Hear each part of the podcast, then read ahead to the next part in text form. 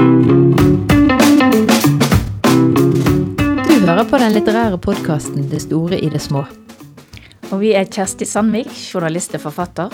Og Grete Fatima Sayed, litteraturviter, forfatter og oversetter. Vi har fått støtte fra Litteraturhuset i Bergen, Bergen kommune. Kulturrådet og Fritt Ord. Kjersti, det er ikke lov å spise i studio. Mm. Nei, sorry, men Og det er ikke lov å snakke med mat i munnen. Nei. Er du ferdig? Mm. Jeg må jo det, da, hvis jeg ikke får lov til å spise maten min. Men, men hva hvis blodsukkeret synker? Og Ja, jeg, men du vet jo det at mennesket lever ikke av brød alene. Nei.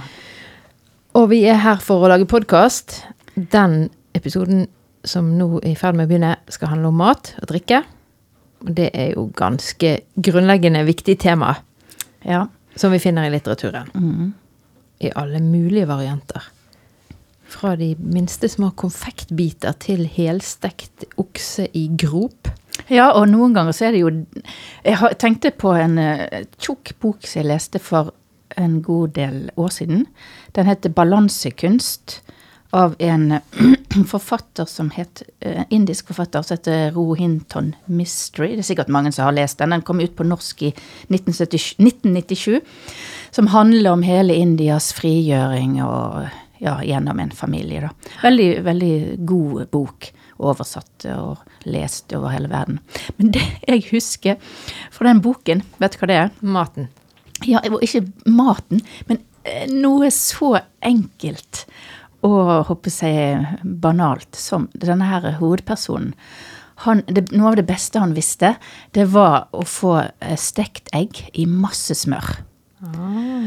Og det fikk jeg helt altså han, han spiste det og var så glad i det, så begynte jeg å lage det. Steike egg i masse smør, salt og pepper på. Jeg snur egget, da, for jeg liker best at At ikke det er sånn slimete og Nei, hviten må være stiv, men det må være litt sånn renne Ja. eh, plomme i midten. Så det, Så du er leser altså en bok fra det vanvittig gedigne indiske subkontinentet på mange hundre sider, og Ja. ender opp med speilegg. Ja, det er det Ja. jeg husker. Nei, men der eh, Hvorfor ikke? Mm. Men mat er jo så mye, da.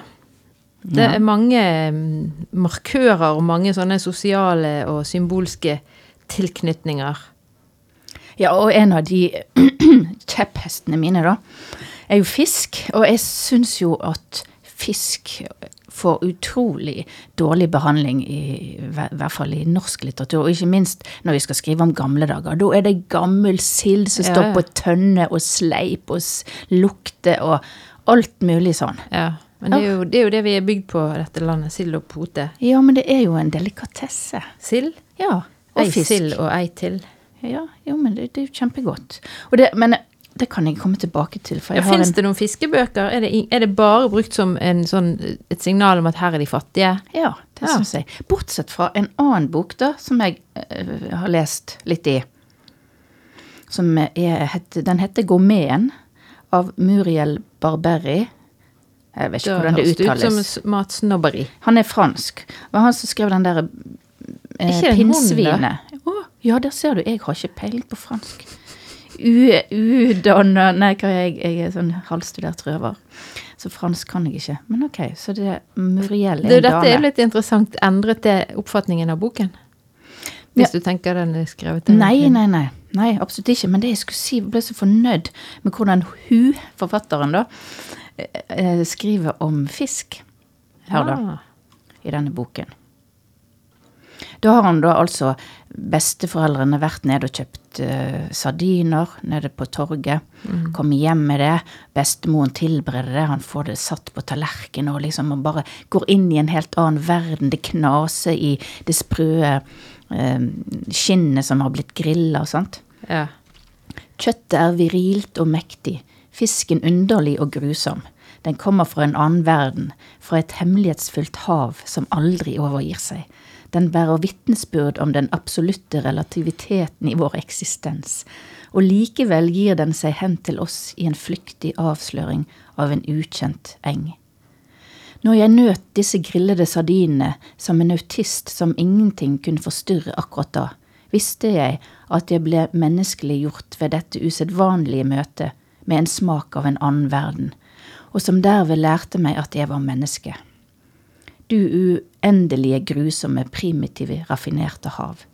Med grådige munner napper vi til oss fruktene av ditt hemmelighetsfulle liv. Altså grillede sardiner omsluttet ganen med en glorie av umiddelbar og eksotisk smak, og jeg vokste fort. Jeg, jeg vokste for hver uh, munnfull. Jeg ble løftet ved hvert kjærtegn tungen fikk av havets aske fra det krakelerte fiskeskinnet. Hæ? Hæ? Sånn står det ikke om fisk i norsk litteratur. Nei, det gjør det altså. ikke, men det var jo litt eh, Altså, smaken er jo som baken, men den absolutte relativitet Da mister du meg med en gang jo- som jo leser. fransk. med fransk. Men jeg har en annen fransk her, da. Ja. En av de mest kjente, nemlig Marguerite Duras. Og hun har en liten tekst fra 1976 som heter 'Purresuppe'. Uh, og dessverre så har jeg den bare på engelsk, men nå skal jeg oversette på sparket fra eh, her. Og den er jo, vil jeg si, mindre snobbete, da, hvis, den, hvis din eh, tekst eh, representerer ja, gourmeten og matsnobberi og matelegansen og, og det, så er det her veldig sånn basic. Folk Purresuppe. Puresuppe. Ja. Folk tror de vet hvordan de skal lage den. Det virker så lett. Altfor ofte er de ikke forsiktige. Den bør koke et eller annet sted mellom 15 og 20 minutter. Ikke to timer. Alle franske kvinner koker grønnsaker og suppe for lenge.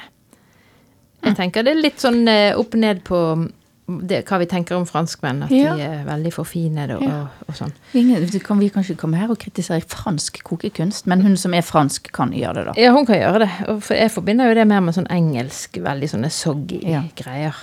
Eh, Selv om jeg liker godt engelskmat. da. Men det som er med Durasso, at hun jo, tar seg veldig friheter. Så denne mm, teksten som er bare på om nokså nøyaktig en side, så begynner hun med purresuppe, og så ender hun bare opp et helt annet og, og veldig urovekkende sted. Men det, det trenger ikke vi å gå i detalj på nå.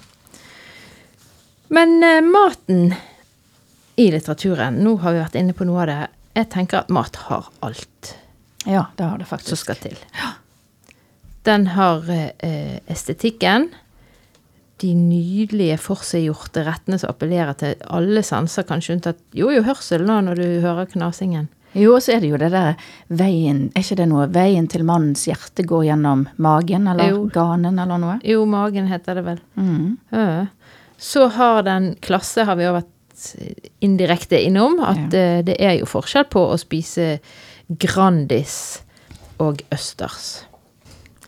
Og hvis vi blir i det der sosiale litt til, da, Kjersti, så lurer jeg på Hvis jeg eh, spør hva er verdenslitteraturens mest kjente måltid? Oh, det må vel være nattverden, det, i Bibelen. Ja, Den siste nattverden? Mm. Den er jo òg en av de mest kjente i, Er det en i første? malerkunsten. Kanskje? Nei, han fordi- innstiftet vel nattverden med sin kannibalisme. Dette er mitt, min kropp og mitt blod. Det er fæle saker. Ja. Ja. Ikke akkurat sånn da, hvis du har Har du smakt? Ja ja, det, Ja. men det er lenge siden. Men det, det var jo ikke så lenge siden de tok vekk alkohol fra Nei. Fordi at alkoholikere kunne få tenning, har jeg hørt. Tenning. Ja, det er sant. Men eh, det er jo òg et litt nyere og litt mer eh, nærmere hjemme kjent, som jeg tenker på, nemlig Babettes oh, ja. gjestebud. Oppe i Finnmarka, var ikke det? jo. Mm. Men det, det stemmer visst ikke helt med beskrivelsen av landskapet landskap og sånn. Men Ikke sikkert hun har vært der. nei, kanskje hun bare diktet opp. Men det er i hvert fall et kjent uh, litterært måltid og eh, Av Karen Bliksen. av Karen Bliksen. Også filmatisert av en jeg ikke husker navnet på. Men jeg tenker på måltidet. Det er jo et sånn feste i hverdagen som egner seg til eh, scener i, i teaterverdenen òg. Altså at man er samlet og sitter der. Og, og de der ritualene som gjentar seg, det tror jeg er ganske grunnleggende. Og så er det jo òg altså at mm, mat er jo òg kulturell kapital. Mm. Sant? Du har jo sosiologen, den kjente sosiologen Pierre Bourdieu som snakker om kulturell kapital, og da er det liksom, da kan du se i Frankrike da visstnok hva klasse du kommer fra i forhold til hvilken pasta du kjøper. Hvilken pasta? Mm. Om du kjøper sånne, bare sånn makaroni-greier, eller om du kjøper litt mer sånn Ja, raffinert utforma pastaskruer. Og i England er det jo òg veldig forskjell på hva de kaller måltidene. Sant? For ti på engelsk kan jo være alt fra en Ja, kjempemiddag til rett bare en kopp med sånn vassen te med masse melk og sukker i. Ja, det er litt sjarmerende, syns jeg. Ja. Alltid når det skjer noe liksom Ja, ja, ja. Om det er drap eller eh, en trafikkbot, så er det Alt ordnes, Og så har de jo òg den som igjen knytter det emosjonelle sammen med det. Den som skjenker, det er jo 'Shall I be mother'? Mhm. Shall I be mother? Så der er det mye vevd sammen, og selvfølgelig eh, nattverden og det religiøse ritualet, at du får kontakt med gudene gjennom det du inntar, og det du ikke inntar når det er mattabu det er snakk om. Det, det ligger nok sikkert i Tror du ikke det ligger i alle kulturer? Altså Apropos antropologi og sosiologi, han eh, Levi Strauss Ikke han med Levis-buksen, men han andre. Han har jo snakket om det her med det rå og det kokte, og, og det her prosesseringen, hva det gjør fra å være brutal natur Jeg har jo en sånn Liker du østers? Jeg har bare smakt det én gang. Ja. Ah, ja. Og det var mer sånn for Jeg må jo smake østers, men jeg har lyst til å smake det Ja, jeg har litt sånn ah, det, er så, det er så liksom, Liker man østers, da har man god smak. Da har man klasse. Jeg syns det smaker slurpete sjøvann. Ja, nei, som sagt eh, må, Du må gi meg en eh, sjanse, så skal jeg komme tilbake til det. For dessuten blitt matforgiftet ved å spise, så kanskje det hadde en liten eh, finger med i spillet. ja, ja, men det kan jo det bli av så mye. Men det, synes, er det sånn tabu, det her at det er levende? Er det det? Eller er det, Det er ikke tabu. konsistensen? Det, det er ikke tabu med østers. Det er bare, det bare veldig ikke. sånn noe man skal like hvis man har den gode smak. Ja ja, men jeg tenker at den motviljen du har, motvilje, ja. det går på konsistens. ja, det går på Men raspeballer, ærlig talt, jeg har ikke så mye Jeg bedre spiser jo ikke dotten inni, er du gal? Nei, dotten er ikke dotter i mine raspeballer, men raspeballer er jo en grå, kompakt, nærmest smakløs masse. Så jeg, jeg vet ikke om østers Nei, men der har du i hvert fall godt tilbehør til. Det har du jo til østers og Det har du god vodka drikke til. Ja. Nei, men det, det er en masse her eh, sosialt, psykologisk, eh, historisk. eh, Hun her Mary Douglas har skrevet om rent og skittent med, med, den vinklingen. Tabuene og hva I Bibelen er det jo masse. De er jo helt absurde, de her tredje Mosebøkene. Du skal ikke spise det som kryper på sin buk. Og Det henger vel sammen med hva man hadde å spise òg. Og grunnen til at det er så mye sørgelig holdt jeg beskrivelse av norsk matkultur da i litteraturen, er jo kanskje at det, vi har på en måte ikke hatt de helt store Nei. Det har vært litt karri. Det har vært mye sild, i hvert fall her på Vestlandet. mm. Der er jo noen eh, mattradisjoner. Jeg vet ikke om det er en tradisjon, men din eh, kink som du liker så godt, har jo denne her keiserinnepæretreet. For det jo, der har vi jo god mat. Frukt. All frukt og, og bær, moreller og, og sånn. Men den er jo ganske grotesk, for det er vel den der det er gammel kjerring som sitter, ligger og ruger på et egg fordi at hun, eh, hun eh, håper at det skal komme en kylling ut av det, da, men hun ruger og ruger, og ingen kylling kommer ut av egget. Så til slutt ser hun seg nødt for å, å knuse det og se hva som har skjedd inni der, og så er det jo helt råttent. Men da er det så fattig at hun må bare spise det likevel.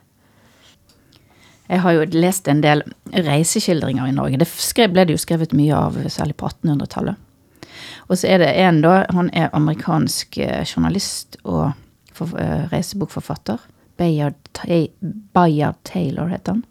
Han har en fantastisk beskrivelse av norsk mattradisjon, da. Altså, det er ja, det, det er så dårlig, og det er så ille, og det er harskt smør, og det er gammel bru, og det er ja, helt forferdelig. Og så er han en tur i Bergen, for øvrig et sted der det regner 11,5 måneder i året, så der må han bare komme seg fortest mulig vekk fra.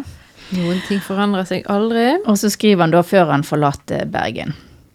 Leseren kan selv bestemme, bedømme kosten. Unnskyld. En dag besto suppen av bringebærsaft og vann. En annen dag av kaldt øl, krydret med pepper og kanel. Legg til seige biffer som svømmer i fett og harskt smør, så har du hovedingrediensene. For første gang i mitt liv erfarte jeg at fordøyelsessystemet mitt ikke klarte å hamle opp med kosten i et fremmed land. Så han sier jo også råvaren er der. Fersk fisk, friske bær. Men vi klarer å ødelegge det. For vi mangler kultur. Vi, har, vi mangler det meste. Jeg er glad du ikke fortsatte med fordøyelsen der. For det, vi har hørt om Delhi Belly, men altså Bergen, eh, Belgen. Nei, men nå må vi bygge oss litt opp, altså. Ja, jeg har jo noen fine bøker her, blant annet noen litterære kokebøker som jeg er ganske glad i, som jeg skal komme til seinere. Men kanskje vi fortsetter litt denne gjennomgangen. Nå har vi vært inne på det historiske, og jeg er ofte litt skuffet over at det står så lite om hvordan de laget maten i gamle bøker. Ja. Eksempel hos min kjære Olav Duun, der er det ikke så mye mat, og når det er, så blir han bare liksom servert. Der er litt vaffelkaker og noe tørkede sauesider og noe greier. Men det hadde vært interessant, syns jeg. Jeg, liker, jeg vet jo at de stampet grøten og, og litt, men um, Men man tenkte liksom ikke på at det kunne være interessant å Nei. lese. Tror du ikke det? Nei, men uh, kanskje Nei. jeg har svaret! Der har du svaret. Trenger ikke Ja. lure mer på det. Nei, da, der var det, den oppklart. Men um, andre elementer som ligger i mat på film, tenker jeg jo Nei, på film. Herregud, det er nå er vi i litteraturen. Ja. Det er det litteratur vi snakker om. Jeg tenker på det basale faktum at det aller første vi gjør i livet når vi blir født, det er å kommunisere med omverdenen og gi uttrykk for alle våre behov og våre følelser og søke kontakt med andre, nærmere bestemt med den primære moren. Det er jo faktisk mat. Alt er samlet i det Mm. der eh, ammesituasjonen. Og da er det jo kanskje ikke rart at det ligger så mye følelser, at det ligger så mye ja, traumer og nevroser og Mm. alt mulig. Det er jo liksom det, den boken jeg nevnte litt tidligere, den gourmeten av Muriel Barberi. Det, det er forskjellige personer da, som uttrykker seg sitt forhold til mat. Og han ene da, han er på vei til å dø, men han er på jakt etter den der ursmaken som på en måte fenget han som helt nyfødt. Og han klarer liksom ikke å, å fange den igjen. Sant? Altså Han ville liksom på jakt etter den. Ja. Litt, litt uh, interessant. Og så vet Prosjekt. jeg jo at um, det som kan skje med maten som ikke er så kjekt, nemlig spiseforstyrrelser, har du òg en uh, bok på lur om. Jo, du tenker på Sofie Oksanens Stalins kyr, som hun da brakdebuterte med i 2005. Eh, og når du starten på denne boken, så kan du egentlig, i hvert fall gjorde jeg det, du begynner å lure på hva er det egentlig hun skildrer her. Skal du høre. Min første gang var annerledes. Jeg hadde trodd det ville være fryktelig sølete, skittent og slimete. Jeg hadde trodd at det ville komme blod ut av meg, og at det ville gjort dobbelt så vondt i magen. Jeg hadde aldri trodd at det ville komme så langt. Jeg ville ikke klare det, jeg ville ikke ønske det, men da magen trakk seg sammen så det gjorde vondt i ørene, tok kroppen overstyring. Det fantes ikke noe alternativ. Det var guddommelig. Lighterflammen lyste opp øynene mine. De glisnet dorskt. Min første sigarett etter min første gang. Også den var guddommelig. Alt var guddommelig. Det eneste som syntes utenpå, var tilfredshet og seiersglede. Stemmen var kanskje litt rue og brusten, men hva så? Og jeg visste at det kom en andre gang, en tredje, en hundrede. Det går selvsagt ikke slik for alle, for noen blir det den første gangen den siste, men ikke for dem som er gode i det. Jeg var god i det med en gang. Så det er altså øh, oppkast hun skildrer her. Egentlig. Ja. Men det sier hun ikke. Jo, hun sier det etterpå, men jeg stoppet Ja, å lese. etterpå, ja. Men ikke i det du leste. Og det, det, når du sier 'kan lure på hva det er hun beskriver', så er det jo den blandingen. For det høres jo ut som et begjærs- eller samleie. Eller, Det kan være liksom debuten, det òg. Ja. Første gang og blod og Mm. de der eh, Trodde det skulle gjøre vondt og alt sånt. mm, Ja. Altså denne klisjeen med sigaretten etterpå. Ja. Så det, men det er altså det å stikke fingeren i halsen og kaste opp, som hun beskriver. Um, Og det å, altså med akkurat den sykdommen der er det jo litt skrevet litt om i litteraturen. ja, det er det veldig mye. Men den handler jo ikke om mat, det handler om sykdom. Jo, jo, men det er jo maten som er redskapet, eller Ja. Det er der man agerer det ut. Mm. Ja. Jeg har en um, som handler om et overstadig begjær òg, men det er en barnebok. Det er en av mine kjepphester som jeg lufter støtter stadig. Det er at vi leser altfor lite barnebøker. De er like gode som eh, voksenbøker, og kanskje Og vel så ofte det. vel så det. Men den jeg har her, det er Gro Dale sin 'Den grådige ungen', som er en billedbok illustrert av Svein Nyhus. Og det handler om lille Åse, som til å begynne med har ganske sånne vanlige begjær, da, bortsett fra at hun er litt ivrig på det. Hun er ikke bare tørst, hun er tørst, tørst, tørst, og sånn gjentar det seg utover. Melk, melk, melk, melk. Jeg er jo litt tørst her. ja, ta deg en eh, klunk. Ja. Og is, og hun blir jo da, forstår vi, etter hvert aldri mett. Hun eh, har et helt umettelig begjær, så hun spiser jo både folk og møbler etter hvert. Mm. Og blir større og større og større, men ikke noe særlig lykkeligere av det. Hun blir helt fortvilet, og det er alle rundt henne de som ikke har spist. Men så skjer det jo noe da til slutt. Og det er at hun rett og slett sprekker. Så hun kommer på en måte til et nytt nivå. Det er en transformasjon her. Eh, kannibalismen og grådigheten og alt får en, eh, et omslag, eh, sånn at vi eh, Jeg tenker det kanskje handler litt om utviklingen òg, som barn gjennomgår. Det er ofte vanskelig før du skal opp til et nytt nivå, eller voksne òg for den del. Og, og jeg kjenner jo òg igjen den morsrollen med at du føler du rett og slett blir spist opp av ungene sine krav. Men her, Ja. her er det en happy ending, for det siste replikken hennes det er når de spør om hun har lyst på saft, så sier hun nei takk. Å, sånn er kurert. Det, Ok. hun, er, hun har lært å sette grenser både for sine egne følelser og Ja. Ja, det gikk ikke så godt, men så bra med han der. Husker du, har du lest han der Torbjørn Egner, Ola Diger? Jeg skulle jeg kunne ha sunget, men jeg tror jeg kanskje ikke skal gjøre det. Men eh, det ta, laget musikk til den, da. Og, Ja, ja. og diktet er sånn Ola Diger heter han. Det er gutt som spiser kan. Spiser mer enn 100 mann. Det er rart at det går an. Ja, han spiser hele dagen, og han blir så stor i magen. Moren visste ingen og hvordan skulle dette gå. Og det går jo ikke så bra. Han må jo flytte ut på en øy, for han spiser jo kjøtt og flesk og i svære fat og gulrøtter og salat. Og jeg hører den der melodien til Karius og Baktus. jeg. Det er jo for så vidt om mat... Å ja, det var feil. Men han passet på den melodien. Tenk han åt og spiste så at alle hus ble for små. Ikke fikk han plass i stua, ikke fikk han plass i bua. Nå bor Ola for seg selv, øverst oppe i Dovre fjell. Ah. Men det er en folkevis òg med en uh, Ola eh, Den er litt Lola mann spiller litt grann like som nå kommer brura. Brura var ung, krona var tung, brursveien var forlora. Der og eter de. De åt opp mat, de åt opp fat, de åt opp alle mine gjester. De åt opp merra med feste, videre. Men ehm, eh, den der eh, Inger Hagerup òg handler jo om en tristhet. Den lille gamle bakeren som satt helt alene Ja. på en bitte liten øy Ja. og spiste krem og syltetøy. Så det er mm, mye følelser knyttet til dette her eh, kulinariske inntaket vårt. Eh, hvordan har du det med mm, Med mat? Nei. hvordan har du det Jo, med du- litterær mat? Nå har du sagt at det er for lite fisk. Ja. Nei, men en annen ting med mat, så er i hvert fall eh, sant, Så gammel som jeg er, så blir vi opptatt av å spise opp maten din. Mm. Det gjør ikke de unge nå til dags. De får ikke den oppdragelsen. Eh, Da er det greit å slutte å spise når man er mett, sånn stort sett. Er det ikke det? Jeg tror jo kanskje den her eh, spis opp maten-doktrinen har ført til ganske mye spiseforstyrrelser. Ja, kanskje. det er jo sånn protest. Fedme kanskje òg. Ja, begge deler. Det er jo en spiseforstyrrelse, mener mange, da. Eller en, noen mener det er en betennelsestilstand i kroppen. Det er i hvert fall litt hyggeligere å tenke på det enn at det er mangel på selvkontroll. Hyggelig med betennelse. Ja, det er bedre det enn at du liksom bare er en sånn For det er jo virkelig den kulturelle En av de som har lavest status. Det er jo den overvektige. ja. Det er jo liksom anorektikeren er heltemodig tross alt og viser frem selvkontroll, mens den fullstendig utflytende, blubbete personen får jo ingen kred.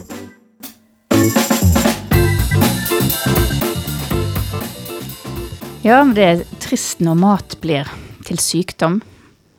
Og desto viktigere å gi ungene gode opplevelser med mat. Jeg ser du har eh, noen fine illustrerte bøker der, Grete. Kjempefine, faktisk. Noen av mine absolutt yndlingsbøker uansett alder, nemlig Janosch. Uh, og jeg har en som er um, seks bøker i ett bind. Med tigeren og bjørnen til Panama. Det er jo den vesle tigeren og den vesle bjørnen som er gjennomgangsfigurer. Her er det så masse mat. De holder på med sopp og det ene med det andre. Men den som eh, eh, aktuell i dag, heter 'Eplemos mot kjærleikssorg'. Men du, før du sier det, kan du si noe om Janosch? Ja, eh, han er en veldig forbigått geni. Som Det fins en Facebook-side som heter «Janosch burde få nobelprisen', og det er jeg helt enig med. Han tegner og skriver, og det er sånn absurd. Du ser det jo her, sant? Her henger det et fiskeskjelett ned fra taket, og her henger det en hvitløk, og så er det alltid litt sånn voksentema blandet med barnetema, da. Så det er han sjøl som illustrerer? Ja da, og det, det gjennomgangsfigurene det er bjørn og tigeren, som sagt, og så er det pinnsvinet, haren, her ryker haren pipe. Det må ikke vi si til noen. Elefanten, og så er det Maya Papaya og. Men denne kokeboken inneholder altså noen veldig gode oppskrifter som er enkle å lage. Skal jeg lese litt, kanskje, for deg? Ja, gjør det. Ta det rett og slett fra begynnelsen, da. En dag da den vesle bjørnen kom hjem med fiskestonga si, satt den vesle tigeren på gulvet bak korga og gret Guds jammerlegg som ei reinsky. Her må jeg bare bryte av og si at du hører at det er på nynorsk, og det er Ragnar Hovland som har gjendiktet eller For han. Janusz er fra Tsjekkia, så vidt jeg vet. Nå må ikke du bl blottstille mine mangler her. i Geografi er ikke det beste faget mitt. Jeg fortsetter. Hva er det med deg, gamle gut? ropte den vesle bjørnen. Er du skadd? Eller har du vondt i kropp og sjel eller noe? I kropp og sjel, hylte den vesle tigeren, for jeg har kjærleikssorg. Å hjelpe oss, ropte den vesle bjørnen. Det kjenner jeg til, det slår like hardt som jern. Da må jeg straks lage noe til deg. Eplemos. Og så henter han straks ni epler fra spiskammerset, for ni er et godt tall mot kjærleikssorg. Og så er det sånn eh, en blokk liksom da, som er revet ut. Her står oppskriften, og den er sånn. Epler delte han i to, skar ut kjernehuset og la dem med skallet på i gryta, for skallet er sunt. Helte ikke for mye vann over, men ei skje sukker og ei tjukk sitronskive, for sitron er også sunt. Og så ei lita kanelstong og en kryddernellik. Pressa eplemos. hm, Hørtes godt ut. Hvis vi får en sånn lytterstorm nå, så kan vi vurdere å dele disse eh, oppskriftene. Men altså, her er det kjærlighetssorg fordi at Maya Papaya har kysset målvarpen. Og du skjønner jo at det er alvorlig, sant? Og, og så ser vi Vesle Badehette. Hun ligger hos Nei, Mette Badehette. Hun svømmer om kapp med gullfisken sin. Og så reiser tigeren videre og møter kålbrenneren Jeromir. Men du, når er disse bøkene fra, da? Jeg tenkte litt sånn, jeg fikk assosiasjoner til Inger Hagerup, jeg nå. Med sånne Ja, altså, du vet, jeg er ikke så opptatt av det biografiske. Jeg har aldri vært det. Nei. Jeg leser alt som om det var kommet Og det står faktisk landet- ikke i kolofonen heller. Jo, det står det helt sikkert. Den kom på norsk i 99. Du kan se den hvis du vil. Jo, det står 99 på den òg. De har gått på TV òg, skjønner du. Ja. Første gang 1970 på Samlaget. Ja, Til Panama til Panama ble publisert. Dette, mye av dette er blitt talemåter i vår familie. Og Panama, landet vi drømmer om. Men jeg må lese bitte litt til. da. Ja, ja. Fordi at når han tigeren møter kålbrenneren Jeromir, så går det sånn for seg. Å, tigeren med tigersykkelen, ropte kålbrenneren Jeromir. Er du sulten, gamle garasje, så kom inn og et med meg. Men nå var gamle Jeromir så fattig at han ikke hadde annet å ete enn det som vokste på åkeren hans. Poteter. Hver dag åt han poteter. Med skallet på. Poteter er gudeføde for kålbrennere, sa kålbrenneren Jeromir, fordi de henter krafta si direkte fra jorda. Godt mot kjempesvolt. Er du kjempesvolten, min venn? Mer enn kjempevirvar er høg, ropte den vesle tigeren med den tomme magen sin. Og så kommer en oppskrift. Potetene skal kokes i vann med skallet på, og med litt salt i 15-20 minutter. Prøv med en gaffel om de er mjuke. Fattige kålbrennere et de med salt på. Små tigrer og andre viktige personer får et lite stykke smør på hver potet. Så du hører det ikke sånn veldig avansert. Dette er, det er ikke snakk om sånn helstekt eh, and med kalkun og Sånn som ungene kan lage, hvis Ja. de slipper til. Men noen ting må man passe på. F.eks. at når du lager salat og skal ha en dressing med appelsinsaft og olivenolje på, så må du gjøre det i rett rekkefølge. For hvis bjørnen først heller olje på bladet, så glir safta av. Heller han olje på appelsinene, så smaker det ikke. Kjem sukkeret for tidlig og før safta på salaten, så løser det seg opp og knaser ikke mellom tennene. Har du skjønt alt, spør eh, bjørnen vesletigeren. vesle tigeren. Nei, svarer den vesle tigeren. Det viktigste er at bjørnen skjønner det. Han har ansvaret. Men nå må du stoppe meg, for nå kan jeg lese det, jeg skjønner du blir ivrig. Det var en veldig Ja. fin bok. Det er så knall, og der er en sånn spagetti diavoli òg som er absolutt verdt å Verdt å i hvert fall lese om, da, og sikkert smake på òg. Var det der eh, altså, han mistet den ene stripen på ryggen, kanskje? Det, ja, det er en annen bok, men det er de samme. Ja. Spagetti diavolo av tante Gås som koker. ja. Dette har hvordan- ungene godt av å høre. Ja, og jeg tenker på deg med blodsukkeret ditt. Har det roet seg, eller er det rett før du går i dørken? Ja, nå er jeg rett før jeg får den store skjelven, så jeg må ha noe sukker fort, tror jeg. Det skal du få, Kjersti. Du skal få sukkertøy, og du skal få lade. Du har nå hørt en episode av den litterære podkasten Det store i det små. Og hvis du likte det du hørte, så følg oss gjerne på Facebook og Instagram.